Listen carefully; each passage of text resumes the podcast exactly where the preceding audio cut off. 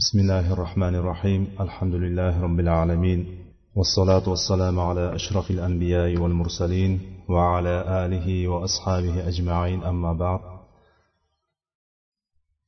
زريغ الصالحين دان قليت كان درس إن شاء الله بغن تابع بعض داقة يقر مكين شخص كي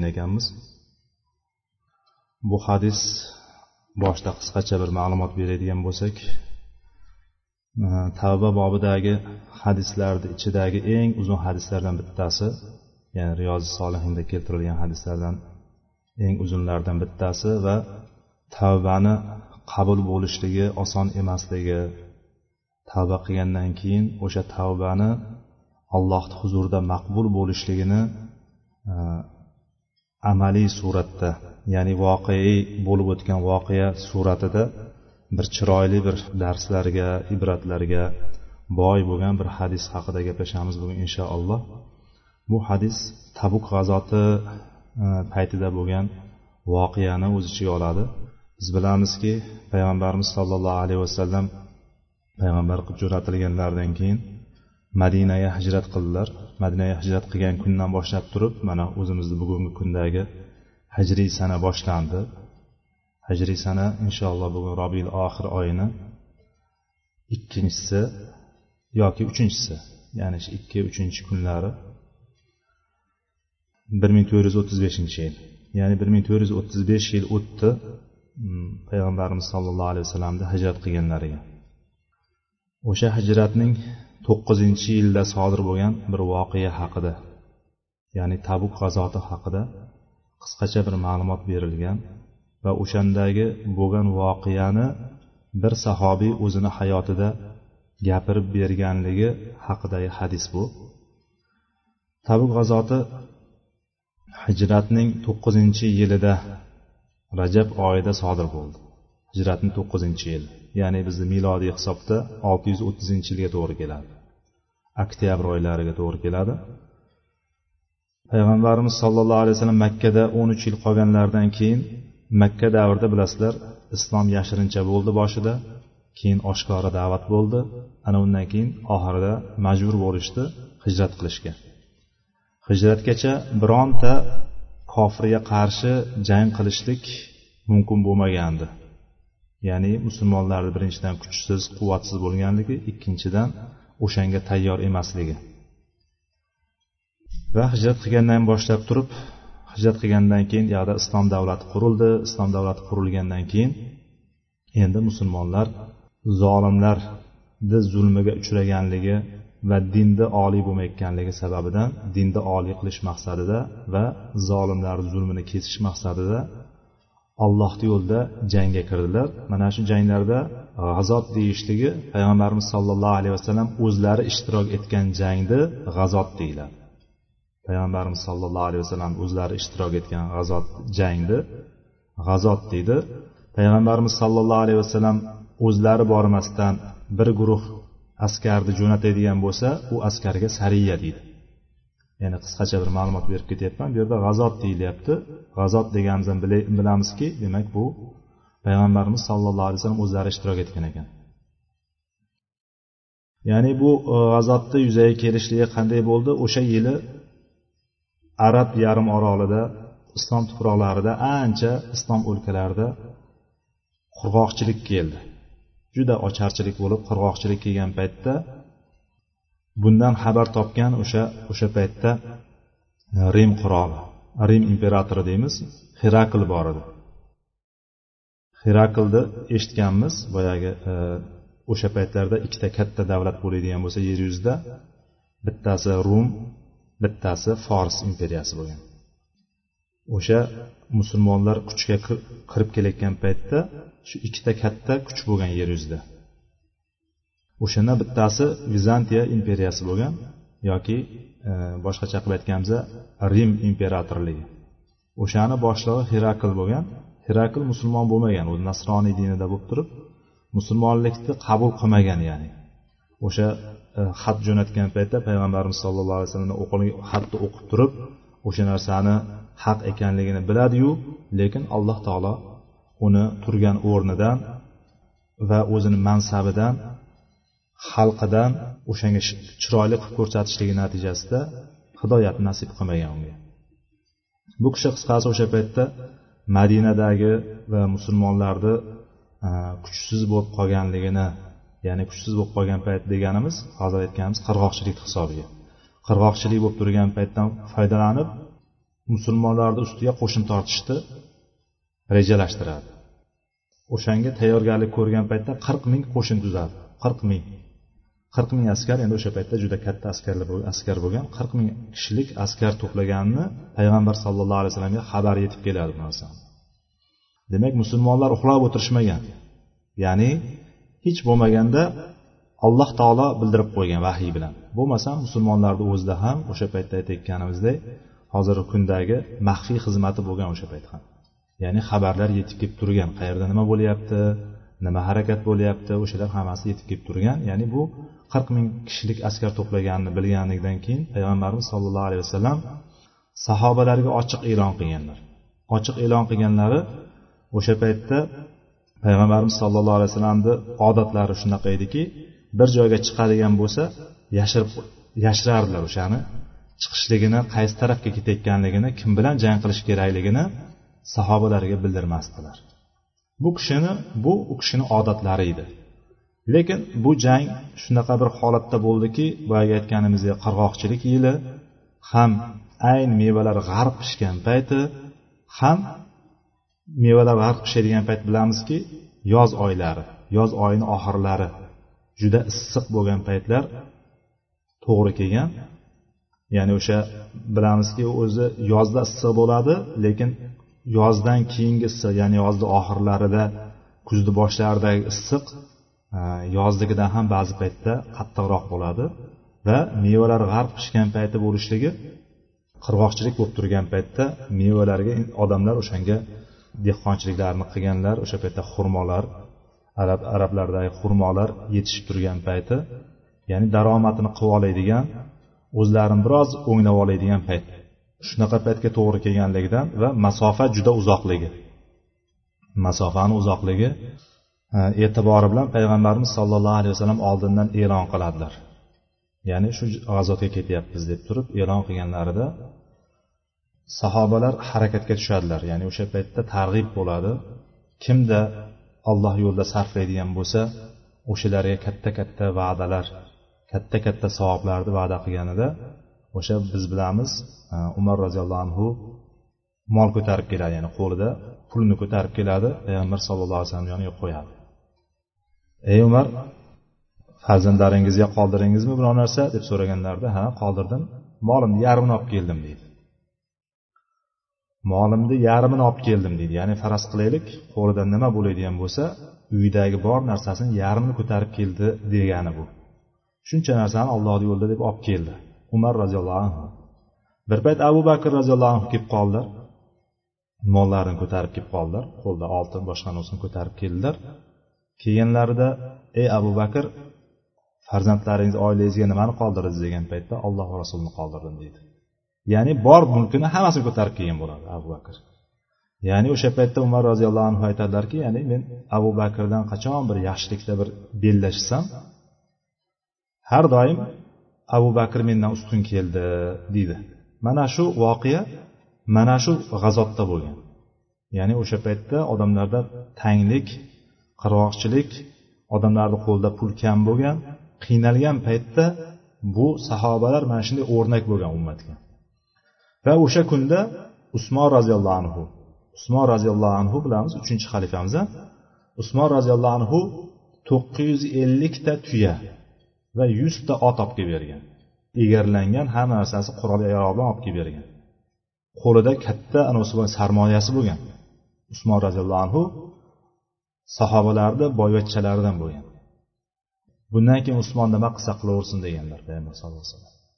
Ya'ni jannat bashorat berganligi bundan keyin usmonga hech narsa zarar bermaydi. Nima qilsa qilaversin degan. Ya'ni bu degani ular kufrga ketib yoki gunoh qilsa ham bo'laveradi degani emas ularni iymonlarini shu darajaga yetganligini bilganki alloh taolo bildirganki u kishiga usmon roziyallohu anhu bundan keyin unga biron bir narsa zarar yetmasligini payg'ambarimiz sallallohu alayhi vasallam bashorat berganlar.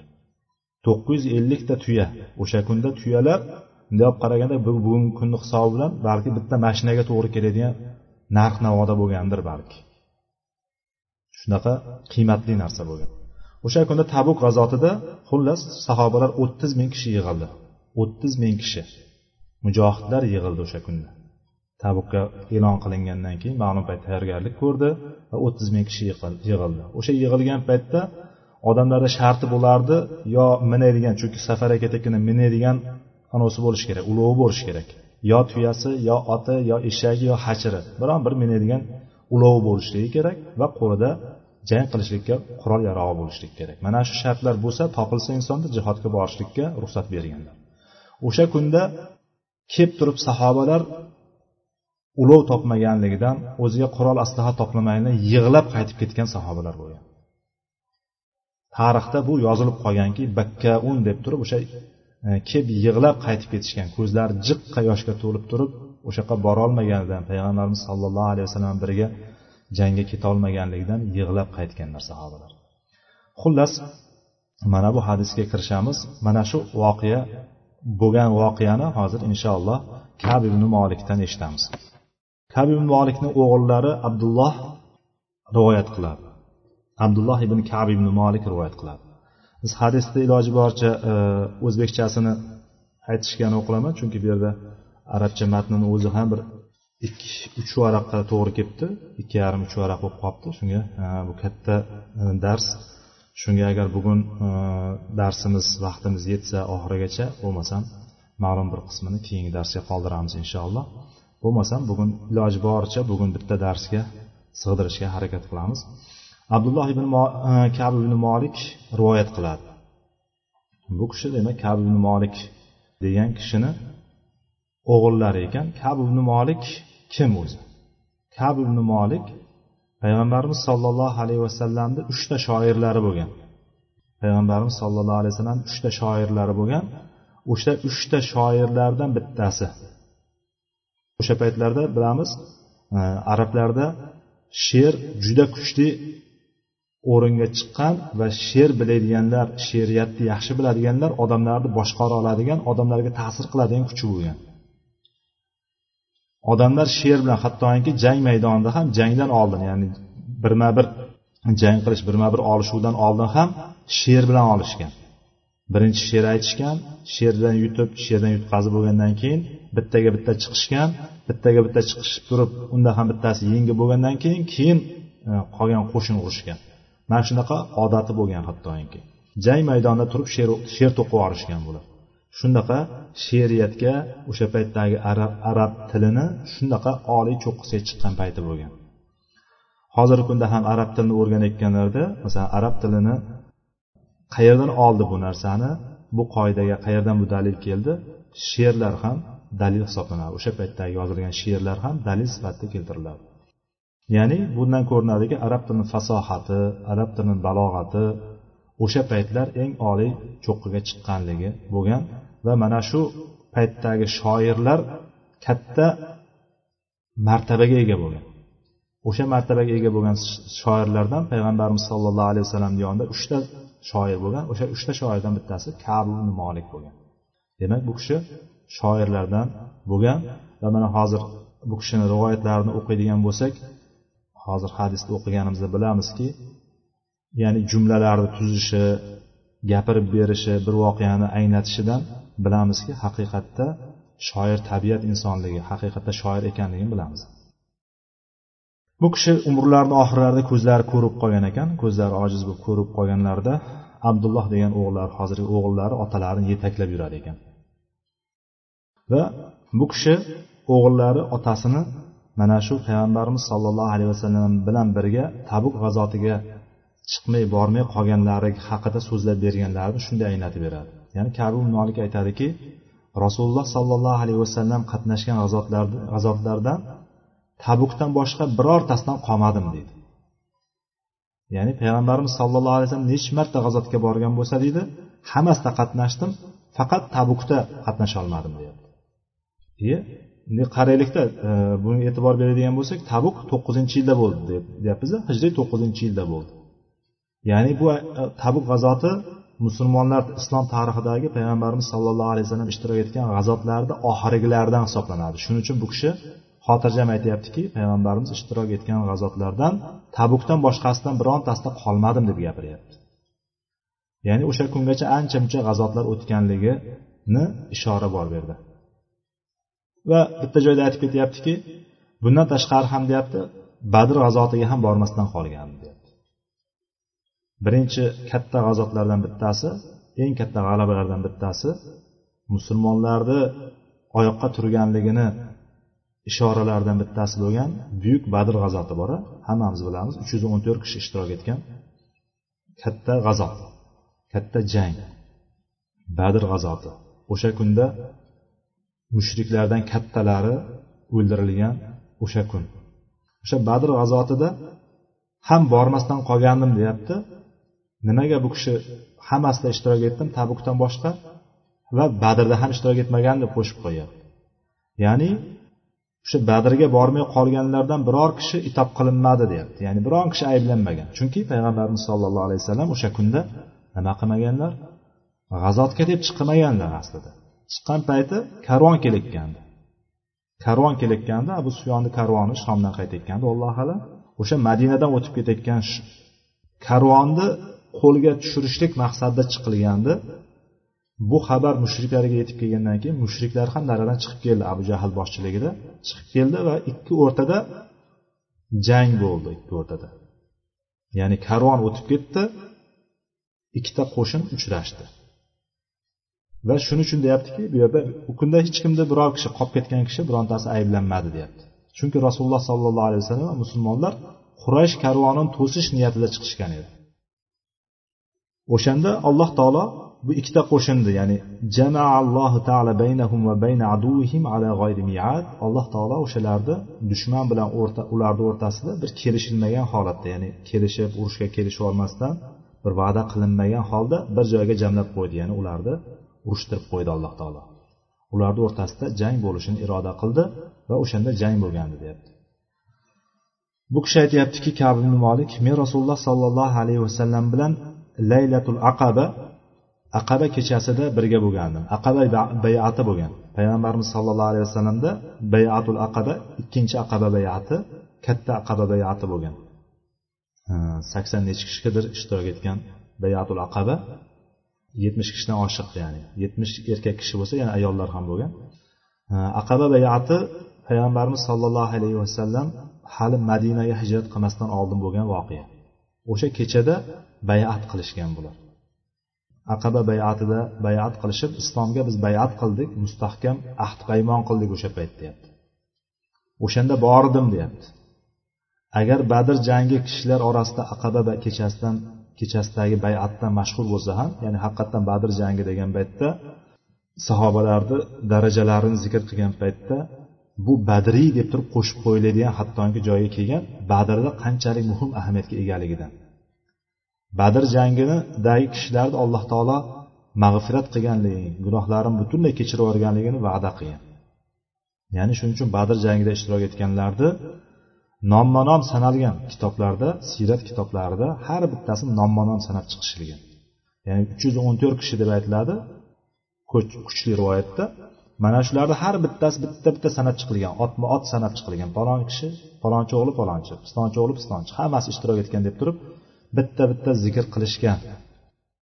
Badr jangi haqiqatda aqaba bayatidan deyapti aqaba kechasidagi bayatdan mashhur bo'lsa ham deyapti.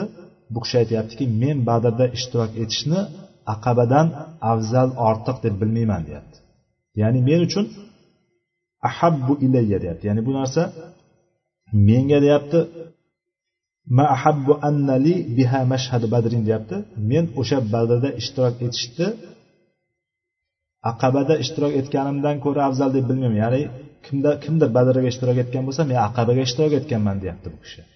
O'zini darajasini belgilayapti. Tabu g'azotda rasululloh sollallohu alayhi vasallam birga bormay qolganimni boisi shunday bo'lgandi deb turib asosiy gapga kirishdi endi. Biz bugun kiradigan asosiy mavzumizni boshlang'ichiga kirdik mana. Aytyaptiki o'sha paytda shunday ediki deyapti anni lam akun qattu aqwa vala aysara minni hina takhallaftu anhu fi tilkal g'azva men o'sha g'azotda o'sha damlarda nihoyatda kuchli va badavlat edim deyapti. Allohga qasamki vallohi deyapti. O'sha paytda bundan oldin bundan avval tuyamni ikkita qilolmagandim deyapti. Ya'ni tuyani ikkita qilolmagan degani insonlarda bitta tuya bo'ladigan bo'lsa go'yoki hozirgi kunda bir e, ishlab chiqarish bir fabrikasi bor odamga o'xshaydi. Kichkinagina bir fabrikasi bor tirikchilikni o'tkazib turadigan darajada. Ya'ni tuya shunaqa manzilatda bo'lgan ularda bu kishi aytyaptiki bu bilan nimaga ishora qilyapti? O'zini badavlat bo'lganligini boy bo'lib boyib ketganligini ishora qilyapti. Bundan avval ikkita tuyam yo'q edi deyapti. O'sha payt ikkita tuyam bor edi. Bu g'azotda ikkita tuyam bor edi deb turib ishora qilib ketyapti. Rasululloh sollallohu alayhi vasallam bir g'azotga borishni xohlasa yashirin saqlardilar va boshqa joyga boradigandek qilib ko'rsatardilar ya'ni payg'ambarimiz sallallohu alayhi vasallam boya yuqorida aytganimdek bir joyga ketayotgan bo'lsa yo'nalish hattoki boshqa tarafga chiqqanligi rivoyatlar ham keladi. Boshqa tarafga qarab yurib yarim yo'lda yo'lni o'zgartirganligi ya'ni bunda o'sha paytdagi xizmat maxfiy xizmat boyagi e, anavlar bo'ladiku razvedkachilar. Razvedkachilar razvedkani shunaqa mustahkam ushlaganki qarshi tarafni ya'ni dushman tarafni razvedkasi bizni ularga bostirib kelayotganimizni ko'rmasin degan darajadagi mana shunaqa askariy hiylalarni ishlatilgan. Payg'ambarimiz sollallohu alayhi vasallam shunaqa qilib turib e, uslubni tanlaganlar aksariyat holatda. Lekin bu g'azotda deyapti boradigan taraflarni aniq qilib ko'rsatdilar. Aniq aytdilar. Falon joyga ketyapmiz deb aytdilar. Rasululloh sollallohu alayhi vasallam unga nihoyatda qattiq issiq kunlarda chiqdi. Issiq juda kuchli bo'lgan safar olis. Boradigan joy ham cho'l yerlardan o'tish kerak. Hamda ko'p sonli dushmanga ro'baro kelish kerak boya aytganimiz qancha dedik? Qirq ming. Qirq ming qo'shin to'plab turibdi herakl.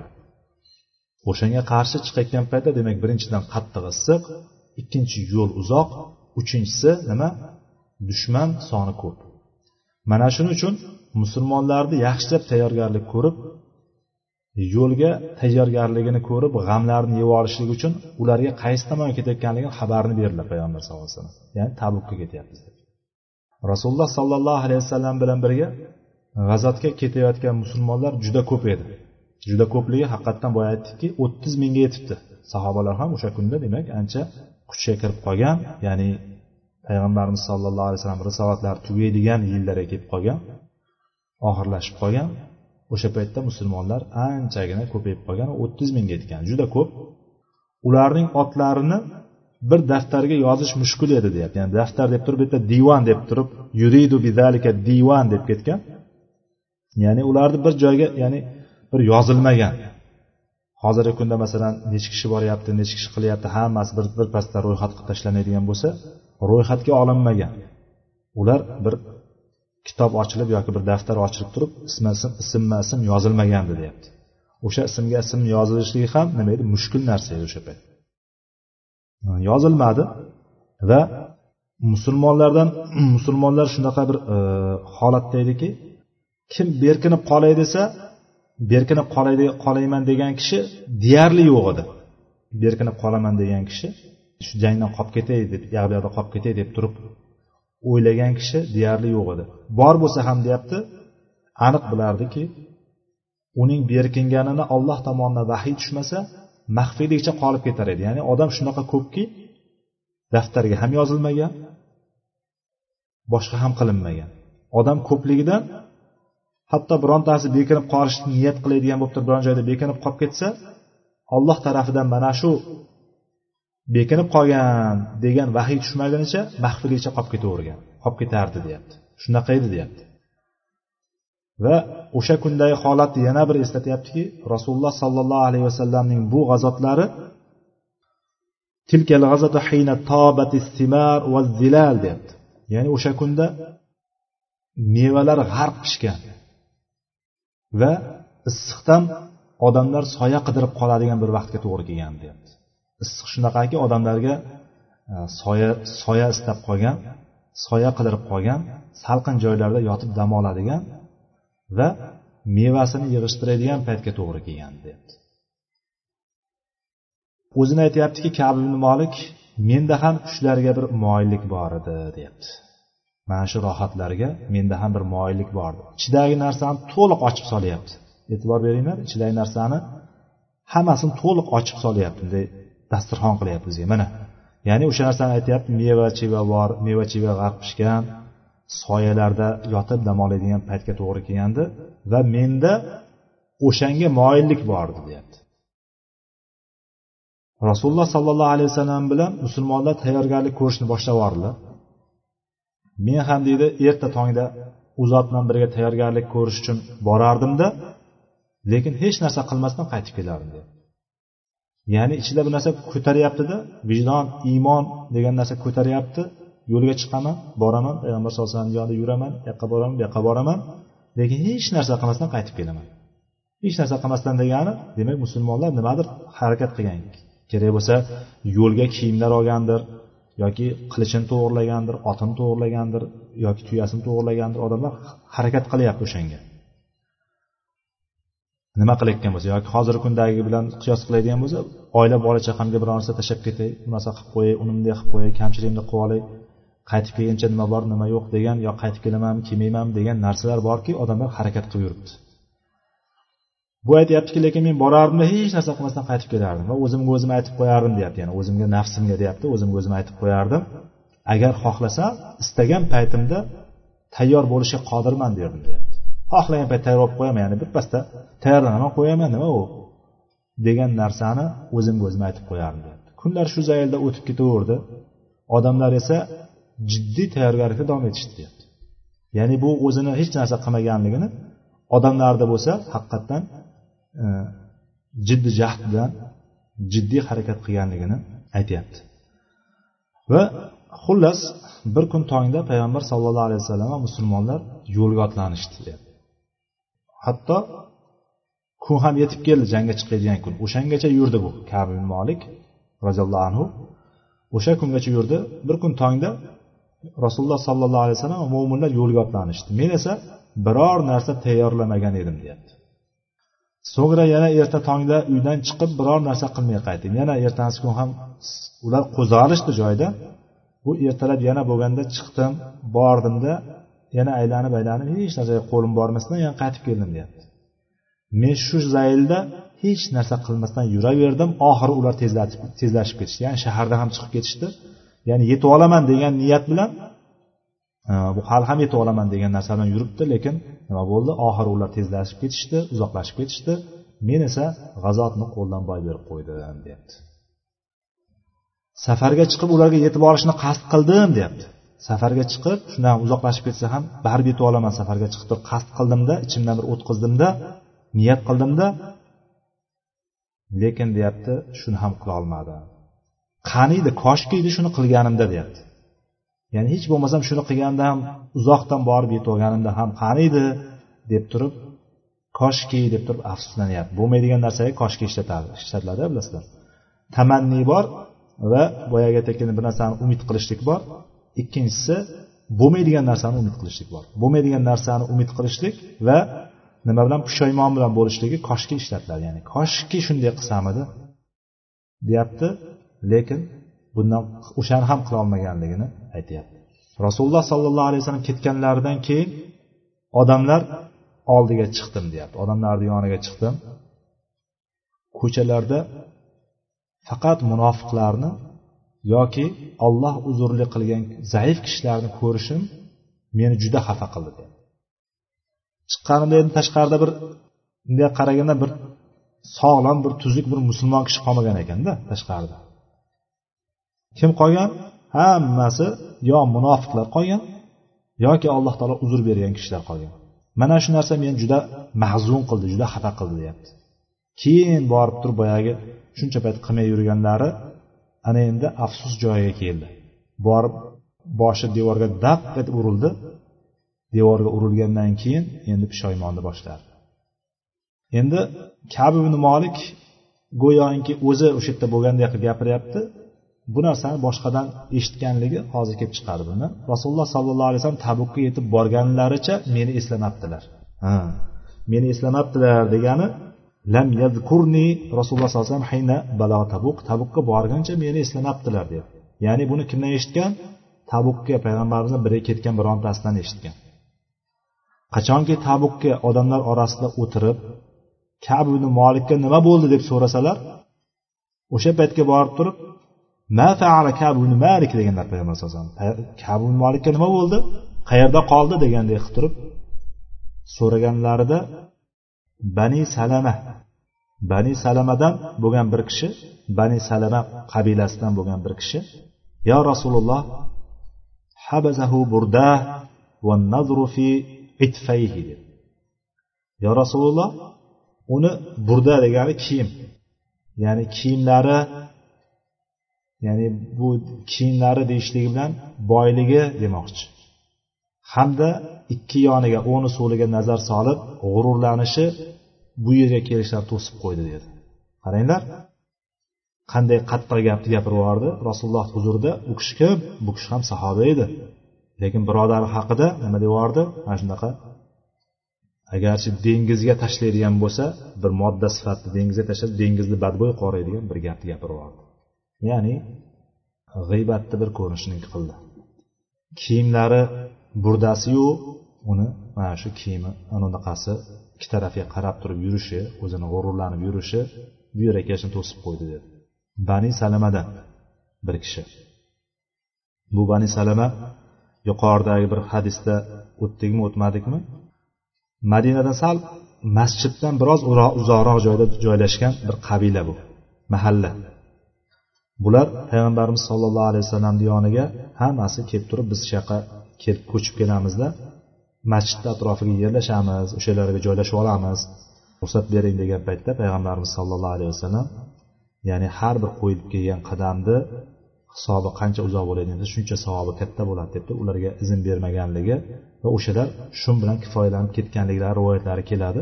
Mana shundan bo'lgan bir kishi gapiryapti muoz ibn jabal unga qarab aytdiki o'sha kishiga qarab turib muoz ibn jabal aytdiki muncha ham yomon so'zni aytding dedi.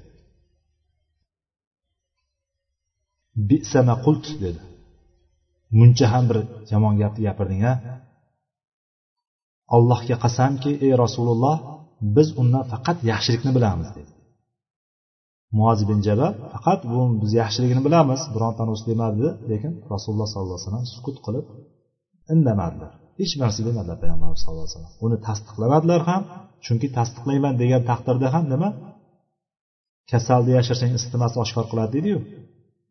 U kasal ya'ni kabi molikni o'zi yo'q bu yerda men yaxshi bo'lsin boshqa bo'lsin shu paytgacha biron bir boyagi aytayotganimizdek narushina qilmagan bo'lsin lekin o'sha payt nima? Payg'ambarimiz sollallohu alayhi vasallamni huzurlarida yo'q.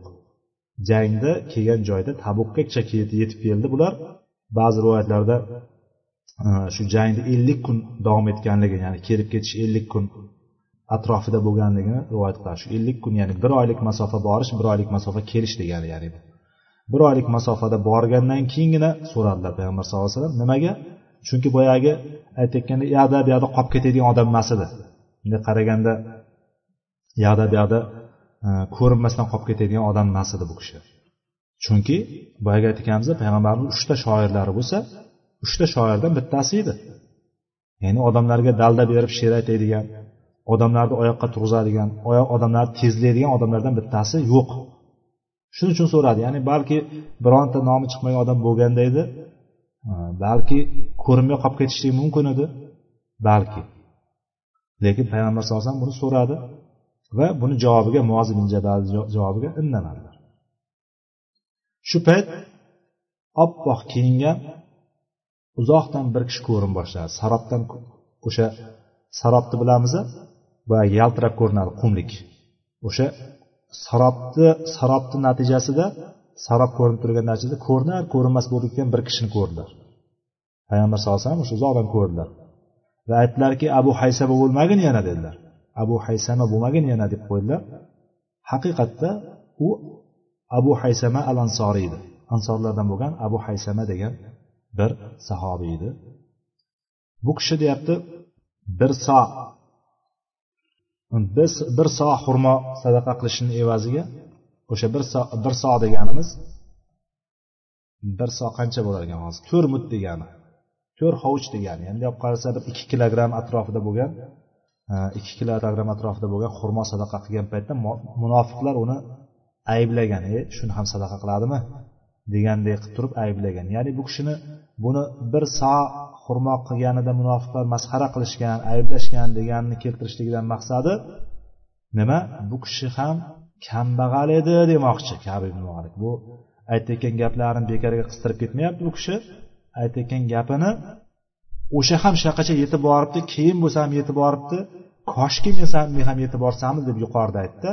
Koshki chiqsamidim men ham safar qilishga niyat qildimda chiqib yetib olishlikka. Lekin qilmadim koshki qilsam edi shuni dedi.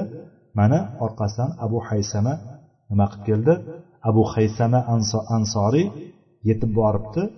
O'sha ham boyagi bir paytda bir so xurmo sadaqa qilgan paytda buni nima qilgan ekan? Munofiqlar malomat qilib ayblashgan ekan shu paytda. Kab ibn molik yana aytadi davom etadi gapida. Rasululloh sollallohu alayhi vasallam tabukdan qaytganlari xabari kelgan edi. Bu g'azotda nima bo'lganligi qoldi. G'azot shunaqa bo'lganki g'azotda jang bo'lmagan. Jang bo'lmagan. Payg'ambarimiz sallallohu alayhi vasallam bir hadislari bor. Nusirtu bi ru'bi masirata shahrin deganlar. Ya'ni men dushmanni qalbiga tushadigan qo'rquv ya'ni bir oylik masofadan dushmanni qalbiga tushadigan qo'rquv bilan nusratlandim degandir payg'ambar sallallohu alayhi vasallam. Alloh taolo payg'ambarimiz sallallohu alayhi vasallamga bu ummatga agar dinni mahkam ushlaydigan bo'lsa allohni yo'lini mahkam ushlaydigan bo'lsa kofirlarni qalbiga munofiqlarni qalbiga mushriklarni qalbiga solib qo'yadigan qo'rquv bilan nusrat berilgan yordam bergan alloh taolo. Bu katta qo'shinni musulmon qo'shinini katta musulmon lashkarini kelayotganligini ko'rib e, hiraqilni nima qildi? Ular hammasi urushdan bosh tortib boyagi joyga chiqishmadi qochib ketishdi ketib yuborishdi tarqalib ketishdi. Shu bilan ular nima bo'ldi? G'azot bo'lmadi o'rta jang bo'lmadi g'azot bo'ldi jang bo'lmadi. Ular orqaga qaytishdi. Urush bo'lmasdan g'alabaga erishib kelishdi shunda e, kabi molik aytadiki rasululloh sollallohu alayhi vasallam tabukdan qaytganlari xabari kelganda shu orqaga qaytyapti ekan? degan xabari kelganda g'amga tusha boshladi meni g'am bosa boshladi deb va yolg'on uzrlar o'ylashga boshladim. Endi bir balo qilib chiqib ketish kerakku endi shuncha narsani qilib qo'ydi boyagi aytayotgandek o'sha paytda urushdan jangdan qolishlik kabiralar katta kabira sanalgan va bu ham payg'ambar sallallohu alayhi vasallam tiriklik paytida u kishidan birga ketmaslik juda katta ayb bo'lgan bu narsani gunohi katta bo'lgan va unga katta tavba lozim bo'lgan. Ya'ni hozir biz o'tayotganimiz qaysi bob? Tavba bobi. Mana shu g'amga tushib boshladim va yolg'onlar o'ylay boshladim. Nima bilan ertaga u zotni g'azablaridan chiqaman deb turib o'zimga o'zim aytardim deyapti. Qanday qilib chiqib ketsam bo'larkan uni payg'ambarimiz g'azabidan? Qanday qutulib qolsam bo'larkan deb turib nima qildim? O'zimga o'zim gapirib boshladim. O'zimga o'zim so'ray boshladim. Va ahli oilamdan aqlli fikrli kishilar. Ziroyin deyapti fikr bera oladigan maslahat bera oladigan kishilardan yordam so'radim yani. Nima deysizlar bu narsa ko'rsatinglar nima qilaman nima qo'yaman deb turib shu narsalarni uydirib boshladim. Ya'ni shu narsalarni to'qib boshladim o'ylab boshladim. Qachonki rasululloh sollallohu alayhi vasallam kelganliklari xabari kelgan tarqalganida endi bu degani qaytib kelayotganini eshitgandan shu kungacha ichidan nima o'tganini u biladi olloh biladi yani. Shunaqa ichi doim tahlikada doim o'y xayolda yurgan turganda tinchi buzilib shuni o'ylab yurdi. Endi hatto payg'ambar sallallohu alayhi vasallamni xabari kelgan tarqalganda mendan botil tadbirlar ketdi deyapti botil o'ylab qo'ygan hamma men unday deyman bunday deyman bunaqa deyman unaqa deyman bunday qilib chiqib ketaman unday qilib chiqib ketaman degan o'ylab qo'ygan hamma yolg'onlari nima bo'ldi? Hammasi mendan ketdi deyapti payg'ambarimiz kelganligidan eshitishi bilan hammasi ketdi. Bildimki men u zotdan aslo qutula olmas ekanman. Ya'ni payg'ambarimiz sollallohu alayhi vasallamni yoniga borib turib qanday yolg'on gapirganim bilan nima? Baribir ochilib qoladi. Bir kun emas bir kun ochilib qoladi. Vahiy tushsa payg'ambarimiz sallallohu alayhi vasallamga bildirilsa ochilib qoladi degan narsa meni mana shu narsani hammasini tetkizib yubordi deyapti. Oxiri rost gapirishga qasd qildim deyapti. Ya'ni bundan ko'rinadiki yana bir oladigan joyimiz mana shu joyda kelgan joyda payg'ambarimiz sollallohu alayhi vasallamda g'aybni bilmas ekanliklariga dalil berdi. Bor. Payg'ambarimiz sollallohu alayhi vasallam g'aybni bilmaganliklari haqida nima bor? Dalil bor. G'aybni faqat olloh biladi deymiz. Ba'zilar g'aybni misol shayxlari narada turgan odamni bu narsa qilayotganini biladi ekan uni yoqda bo'ladigan biladi ekan degan narsalarni botil ekanligini mana shu yerda olamiz payg'ambarimiz sollallohu alayhi vasallamki butun insoniyatni eng sayyidi bo'lgan allohga eng yaqini bo'lgan zot bilmagan. Ya'ni bu kishi ham yolg'on to'qishga harakat qildim lekin qachondir ochilib qolishligidan vahiy tushsagina bilib qolishligidan degan narsa buni rost gapirishga undadi. Rasululloh sollallohu alayhi vasallam erta tongda yetib keldilar saharlab yetib keldilar yetib kelgandan keyin payg'ambarimizni odatlari bor edi. Safardan kelsalar uyga emas to'g'ri birinchi masjidga kirardilar. Zotan uylari qayerda edi? Masjidni bir burchagida edi. Ya'ni uylari xonadonlari masjidga ochilardi eshiklari hammasini eshiklari payg'ambarimizni oilalarini eshiklari nima qilardi? Masjidga ochilardi. Ya'ni oysha onamiz aytadilarku men qidirdim qidirdim deydilar. Bir payt kechqurun payg'ambarimizni yo'qotib qo'ydim deydi. Qayerda yo'qotib qo'ydi? To'shakda. Qo'l bilan bunday qilsam yo'q. Bir payt qo'limda qorong'i ya'ni u paytlar chiroq onalar bo'lmagan. Qo'limni yoqqa bunday paypaslasam oyoqlari uzarib turibdi oyoqlari sajda qilayotgan bo'ladi. Sajdada turgan paytlari bo'ladi. Oyoqlari ichkarida tanasini qolgan qismi masjidda. Mana shunaqa bo'lgan uylar payg'ambarimiz sollallohu alayhi vasallam duo qilardilar sajdada turib. Ya muqallibal qulub sabbit qalbi ala dinik deb turib duo qilardilar degan hadisda oysha onamiz roziyallohu anhu bizga rivoyat qilib beradilar. Ya'ni shunaqa demoqchiman. Uylari shu yerda bo'lgan. Ya'ni masjidga kirardilar va masjidda ikki rakat namoz o'qigandan keyin odamlar bilan biroz muloqot qilardilar. Odamlar bilan o'tirib suhbat qilardi kelgan ketgan nima bor nima yo'q qanday ahvol kelib turib odamlar savol bo'lsa savol berardilar yo bo'lmasam biroz o'tirgandan keyin uylariga kirardilar. Ungacha demak odat sharifalar nima ekan? Masjidga kirardilar ikki rakat namoz o'qib turib odamlar bilan biroz o'tirardilar. Bu safar ham shunday qildilar deyapti. Kab ibn molik bu safar ham xuddi shunday qildi.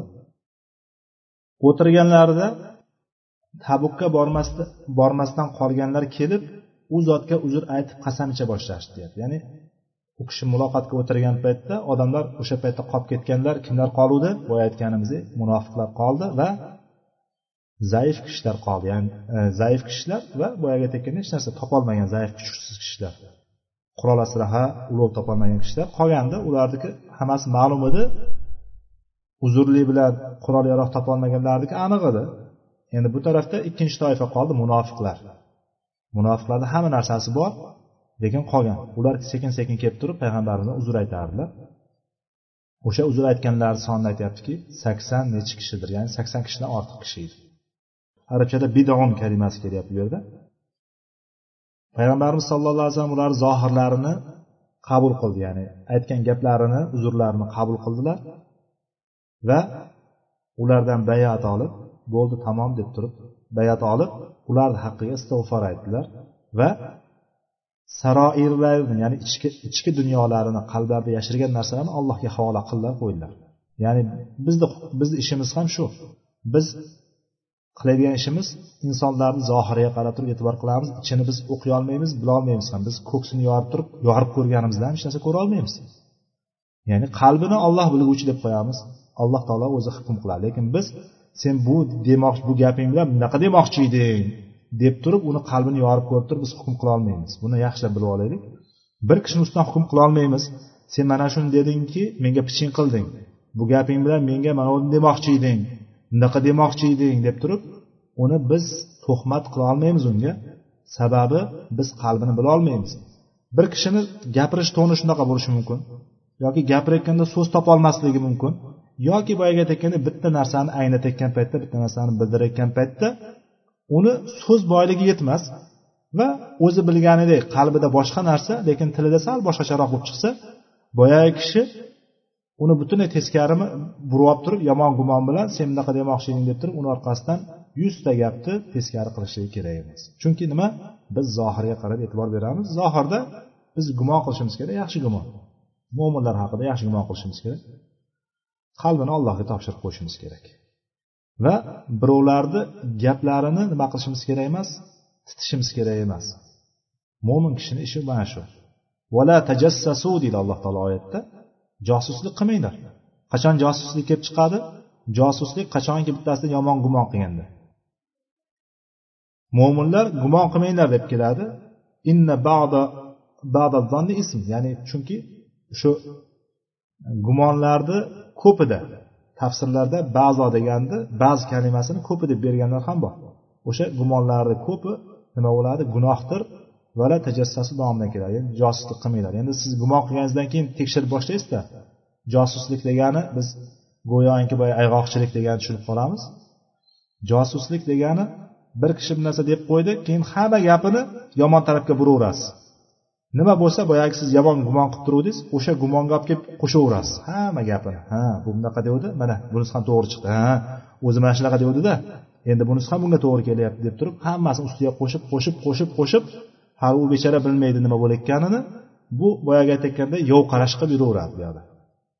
Yomon ko'rib unga gapirmasdan gapirsa jirkigandek qilib turib boshqa qilib yuraveradi. Bu narsa nima?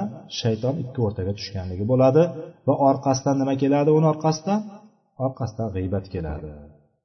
G'iybatni orqasidan zulm keladi. Mana shunaqa qilib turib bir bir qo'shilib ketaveradi. Biz demak zohirga qarab hukm qilishlikka buyurilganmiz va payg'ambarimiz sollallohu alayhi vasallam zohirni olishlikka buyurilganlar. Shuning uchun zohirni olib turib ularni haqqi hattoki istig'for aytib ichlarini allohga topshirib qo'ydi. Keyin kab molik davom etyapti gapida. Men ham u zotning huzurlariga keldimda salom berdim. Payg'ambarimiz sollallohu alayhi vasallam esa nima qildi? Menga g'azabnok holatda tabassum qildilar deyapti. Tabassum qildi. Falamma sallamtu tabassama tabassumal mug'dab menga bunday kulayotgan paytda bunday jilmayib qo'ygan paytda hamda odamni yuz ko'rinishini tasavvur qilinglar. Tabassum qilgan paytda ham g'azablangan holatda undan bir unga jahl qilganday holatda bo'lib turib tabassum bilan oddiy tabassum farqi bor o'sha jahl qilganday qilib turib tabassum shunaqa ko'rinishda tabassum qildilar payg'ambarimiz sallallohu alayhi vasallam. Keyin taala dedilar. Ke qani kelchi dedilar. Men sekin yurib keldimda deyapti. Yurib keldimda oldilariga o'tirdim. Payg'ambarimiz sallallohu alayhi vasallamni yoniga o'tirdim. Ya'ni u kishi uzoqdan salom berdi. Payg'ambarimiz alayhi vasallam tabassum qilib qo'ydilarda. Boyagi g'azabnok holatda. Ke dedilar. U yurib kelib yoniga o'tirin deyapti. Payg'ambarimiz sallallohu alayhi vasallam savol berdilar. Nima sababdan biz bilan bormay qolding? Yoki borishga ulug' sotib ololmadingmi? Ulug' sotib olmaganmiding dedi. Ya'ni payg'ambarimiz alayhisalom bilardi uni tuyasi borligini ikkita tuyasi borligini bilardi. U tuya sotib olmaganmiding dedilar. Shunda men gapni boshladim. Ey ollohning rasuli ya rasululloh vallohi allohga qasamki sizdan boshqa dunyo ahlidan birortasining huzurida o'tirgan bo'lsamku o'zim bilardim demoqchi. Boshqa birontasini sizdan boshqa birontasini huzurida o'tirsamidi o'zim bilardim. Uning g'azabidan uzr bilan chiqib ketardim deyapti. Undan boyagi jahl qilishidan menga g'azab qilishidan bir uzr uzr aytib turib yo'l tovib chiqib ketgan bo'lardim. Ya'ni bunday qoplab yuborgan bo'lardim. Chunki men fasohatli kishiman deyapti so'zamol kishiman deyapti. Kim bu kishi? Boya aytganimizdek shoira gap bilan o'rab tashlaydi. Gap bilan o'rab tashlaganida odamlar mahliyo bo'lib turib boyagi aytayotgandek qanday kechirib yuborganini bilmay qoladi. Agar boshqasi bo'lganda edi shunday qilib uzrdan uzr bilan chiqib ketgan bo'lardi. Lekin bilamanki allohga qasamki agar bugun sizga yolg'on gapirsam mendan rozi bo'lib qo'yaverasiz. Yolg'on gapirsa boyagilarda aytgandek uzrni qabul qilib qo'yaveradi. Lekin tez fursatda olloh mendan sizni g'azablantirib qo'yadi dedi. Ya'ni olloh g'azablantirib qo'yishi ehtimoli bor. Shuning uchun nima? Sizga rostini aytsam sizga rost aytmoqchiman. Agar bu holatda agar rostini aytadigan bo'lsam o'zim sizni g'azablantirib qo'yaman deyapti. Ya'ni aytmaydigan bo'lsam sizni aldasam bir kun alloh taolo ochib qo'yadi. G'azablanasiz mendan. Agar hozir rostini aytsam o'zim sizni g'azablantirib qo'ygan bo'laman dedida va orqasidan davom etdi. Lekin shunday bo'lsa ham albatta men ollohdan yaxshi oqibat umididaman dedi. Allohdan yaxshilikni umid qilaman dedi. Allohga qasamki menda uzr yo'q edi dedi. Allohga qasamki menda uzr yo'q edi dedi. Shunda payg'ambar sollallohu alayhi vasallam aytdilarki gapini davom bor ekan. Vallohi ma kuntu qattu aqwa vala aysara minni dedi. Ya'ni o'sha paytda sizdan bormay qolgan paytimda har galgidan undan oldingi janglardagidan ko'ra kuchliroq edim va badavlat edim dedi. Rasululloh sollallohu alayhi vasallam buni ustiga nima dedi? Buni gapini orqasidan nima dedi? Amma hada faqat sadaq dedilar. Faqum hatta yaqdiyallohu fik dedilar. Ha mana bu kishi mana bu dedi haqiqatda rostni gapirdi. Dedi demak bu bilan nima ishora bor? Undan oldingilarni yolg'on gapirganligini payg'ambarimiz sollallohu alayhi vasallam bilib turgan ko'rinishidan gaplaridan bilib turgan u nima qilgan? Zohirni e'tibor qilib qo'yavergan. Mana shu jihatdan aytyaptilarki ha amma hada faqat sadoq dedilar mana bu rost gapirdi dedilar. Keyin tur o'rningdan to olloh hukm qilguncha kut dedilar. Bor boraver jo'na deganday qilib turib xuddi biz aytganda biz qo'polroq qilib aytamiz payg'ambar sallallohu alayhi vasallam qo'pol qilib aytmagan. Ya'ni shunday tushuntiradigan bo'lsa bor qani borib alloh taolo seni ustingda hukm qilguncha kutib tur dedilar. Va bu yerdan chiqib ketgan paytda سار رجال من بني سلمة فاتبعوني فقالوا لي والله ما علمناك أذنبت ذنبا قبل هذا deyishdi e'tibor beringlar mana shu yerda bir qiziq bir joyi borda bu joyda balki o'sha joydagi kishilarni odatimikan yoki nima ekan menga haqiqatdan bu bir qiziq kelgan joyi yana bani salamadan bani salama nima qiluvdi oldin tabukda payg'ambarimiz sollallohu alayhi vasallam kabi molikka nima bo'ldi? Qayerda qoldi? deb so'raganlarida e uni kiyimlari yo'q boyligi ushlab qoldi bu yerga kelishlikdan degan degan so'zni gapirgan yana bani salamadan bir kishilar kelishdi buni yoniga. Bu safar nima deyapti? Bani salamadan bo'lgan kishilar meni orqamdan ergashib kelishib allohga qasamki biz seni bundan oldin gunoh qilganingni bilmaymiz dedi. Boya nima degandi ha uni kiyimlari boyligi ushlab qolgandi deyishdi. Endi bu yerda qaranglar gapni yana bari salamadan chiqyapti. Bir shu anavda qiziq joyi allohga qasamki biz seni bundan oldin gunoh qilganingni bilmaymiz. Sen boshqa g'azotlarga bormaganlar kabi u hozir qoldiyu boya munofiqlar sakson kishi dedik. Uzr aytsayding rasululloh sollallohu alayhi vasallam seni senga istig'for aytib qo'yardi seni bu gunohingga kifoya qilardi dedi. Qaranglar buni yo'ldan ozdiryapti yana. Yolg'on gapirishga undayapti yana buni. Hatto meni shunaqa malomat qilaverishdi davom etaverishdi malomat qilaver gapiraverdi ey bunday qilgin ey bunday qilgin nimaga sen bulardan anavi bo'lasan nimaga bunday qilasan borib istig'for aytsa yetardi deb turib aytaverdi. Hattoki men rasululloh sollallohu alayhi vasallam huzurlariga qaytib borib o'zimni yolg'onchiga chiqarishni xohlab qoldim deydi qaranglar. Hatto boya aytgan rasululloh boya sizdan vajohatsiz bosib qoluvdi. Shunga e, o'z o'zi uzrim bor edi man uzrim bor edi bu uzrimni aytolmasdan qilgandim deb turib hatto oldingi aytgan gapidan tonib boshqa gapni aytadigan joyga olib kelib qo'yishdi buni. Odamlarga gapni qanchalik ta'sir qilishligini mana mana bu hadisdan ham o'rgansak bo'ladi haqiqatdan insonga bitta kishi kelib turib bittasini yomonlayversangiz yomonlayversangiz boyagi kishi yomon ko'rib qoladi hatto uni tanimasdi o'zi. Bilmasdi uni kimligini lekin bitta kishi tinimsiz yomonlab turibdi. Tinimsiz bitta narsani yomonlab turaversa bir kishi haqida yomon fikrga borib qolishligi mumkin. Bu ham nima qilyapti? Tinimsiz o'ynab qilyapti gapiryapti borib so'ragin so'ragin. Istig'for aytsa yetarli senga. Boshqa deb turib tinimsiz boyagini qulog'iga tambir chertaverdi qo'pol qilib aytganda. Nima qildi? Hattoki borib turib o'zini yolg'onchiga chiqarishga ham xohlab qoldim deydi. Keyin alloh taolo bir saqlagan joyi aytdiki menga o'xshagan ya'ni menga o'xshab turib rostini aytgan bironta kishi mendan bironta rasululloh huzurlariga borib turib kelib turib menga o'xshab turib rost gapirgan menga o'xshab gapirgan biron kishi bo'ldimi? deb desam ular ha ikki kishi kelib sen aytgan so'zlarni aytishdi dedi. Senga aytilgan javob ham ularga aytildi dedi. Ya'ni ollohni amri kelguncha alloh ustingda hukm qilguncha kutib tur degan gap ularga ham aytildi dedi. Shunda e shunaqami? Shunaqami? Ular kim? deb so'radim deyapti. Shunda murora ibn rabiya al amri va hilol ibn umayya al voqifiylar deyishdi ikkita sahobani zikr qildi bu yerda murora ibn rabiya al amri va hilal ibn umayya al vaqidiy vaqifiy vaqifiy degan ikkita sahoba zikr qilindi murora ibn robi va hilol ibn umayya ikkita sahobiy zikr qilindi qola fazakaru li rojulayni solihayni qad shahida badron fihima usva dedi. Ya'ni ular menga ikkita bir solih kishini zikr qilishdiki ikkita solih kishi.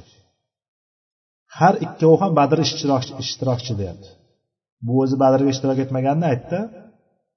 Bu ikkalasi ham badrga ishtirok etgandi deyapti. Kabin molik aytyapti. Bu ikkalasi ham badrga ishtirok etgan. Ya'ni mendan ko'ra nima? Darajasi ustun bularni ikkalasini ham. Ham solih edi ham ular boshqalarga o'rnak shaxslar edi deyapti. Fihima usva ya'ni boshqalarga o'rnak bo'ladigan kishilar edi yurish turishda odob axloqda dinda e'tiqodda ibodatda hammasi nima?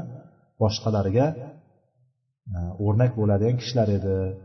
Dedida dedim deb o'zimni qarorimdan ya'ni shunaqa dedimda o'shandan keyin bu qarorimni kechdim. Ya'ni payg'ambarimiz sallallohu alayhi vasallam yoniga borib qayta uzr so'rashdan chekindim orqaga qaytdim dedi. O'sha ikkalasini eshitgandan keyin dedi. Shu rasululloh sollallohu alayhi vasallamdan g'azotga bormay qolgan orasida biz uch kishi bilan gaplashishni man qildi. Ya'ni o'sha butun sakson nechi kishi dedikku o'sha sakson nechi kishini ichida bular ham bor mana. Uch kishi tepasini qo'shadigan bo'lsak sakson besh bo'lsa sakson sakkizta bo'ldi balki. O'shalarni ichida bular ham bor. O'shancha kishini ichidan mana shu uch kishidan payg'ambarimiz sallallohu alayhi vasallam gaplashishni man qildilar. Mana shu hukmni chiqargandan keyin xalq bizdan chetlandi deyapti. Hattoki men turgan joyimga deyapti xuddi deyapti yer ham men bilgan yerdan o'zgacha bo'lib qoldi deyapti. Ya'ni bu turgan joyimiz ham xuddi begona yurtda yurtda bo'lib qolgan ya'ni xuddi hech kim bizni tanimagandek ko'chaga chiqsa hech kim salom bermaydi ko'chaga chiqsa birov meni tanimagandek teskari qarab ketadi degan narsani aytmoqchi. Hatto shunaqa bo'lib qoldik biz mana shu holatda ellik kecha turdik deyapti. Ellik kecha. Ellik kecha turdik ikkita sherigim ojizlashib ketdi. Ya'ni juda qiynalib qolishdi. Uylariga o'tirib olib ikkalasi ham faqat yig'lardi deyapti men esa ularga ularga qaraganda yoshroq va bardashliroq bo'lganim uchun ko'chalarga chiqib musulmonlar bilan birga namozda ishtirok etardim bozorlarni aylanib yurardim. Hech kim lekin men bilan hech kim gaplashmasdi. Va shunga qaramay rasululloh sollallohu alayhi vasallam huzurlariga ham borardim. Va u zot namozdan keyin bo'ladigan majlisda o'tirganlarida shu namozni o'qib bo'lgandan keyin payg'ambarimiz alayhisalom biroz o'tirib sahobalar bilan suhbat qilardilar odatlari shu o'tirgan paytlarida borardimda borib salom berardimda. Salom bersa ma'lumki alik olinmasligi lekin alik olinglar degan buyruq bor. Shunga ko'ra bu aytyaptiki o'zimga o'zim u zot salomga alik olayotib oldimikan? Olik olgan bo'lsa lablarini qimirlatdimi yoki yo'qmi? Ya'ni ichida olgan bo'lsam lablari qimirladimi yo'qmi deb turib o'shanga qarardim deyapti. O'zimga o'zim aytardim ichimga deyapti. Og'izlariga qarardim deyapti. Uzoqdan salom beradi. Va haligi oldimi yo'qmi deb turib lablarini qimirlatganidan qimirlatdimi yo'qmi deb turib o'zimga o'zim aytardim deyapti. Va u zotga yaqinroq turib namoz o'qirdim deyapti. U kishini yoniga yaqinroq turib namoz o'qirdim va shu o'sha yerda turgan paytimda o'g'rincha nazar solardimda ko'zimni qiri bilan qarab qo'yardim payg'ambar sallallohu alayhi menga qarayaptimi? Nima qilyapti deb turib payg'ambar sallallohu alayhi qarab qo'yardim deyapti. Agar namozni boshlasam namozni boshlasam u zot menga qarab qo'yardilar deyapti. Namozda turganda demak u kishini qarayotganligini payg'ambar sallallohu alayhi vasallam qarayotganlarini ko'rar ekan menga qarab qo'yardilar. Namozdan keyin deyapti agar u zotga o'sha payt u zotga bunday qarasam u zot mendan yuz o'girib olardilar ya'ni qaraganini ko'rsatmaslikka. U kishi bilan ya'ni shunchalik aloqa uzilyapti o'zi ta'riflaganidek xuddi men boshqa yerga tushib qolgandayman deb turib nima qilganligini rivoyat qilyapti. Bizni vaqtimiz cho'zilib qoldi. Inshaalloh hadisni davomini keyingi darsga qoldiramiz shekilli. Shu yerda to'xtaymiz. سبحانك اللهم وبحمدك أشهد أن لا إله إلا أنت أستغفرك وأتوب إليك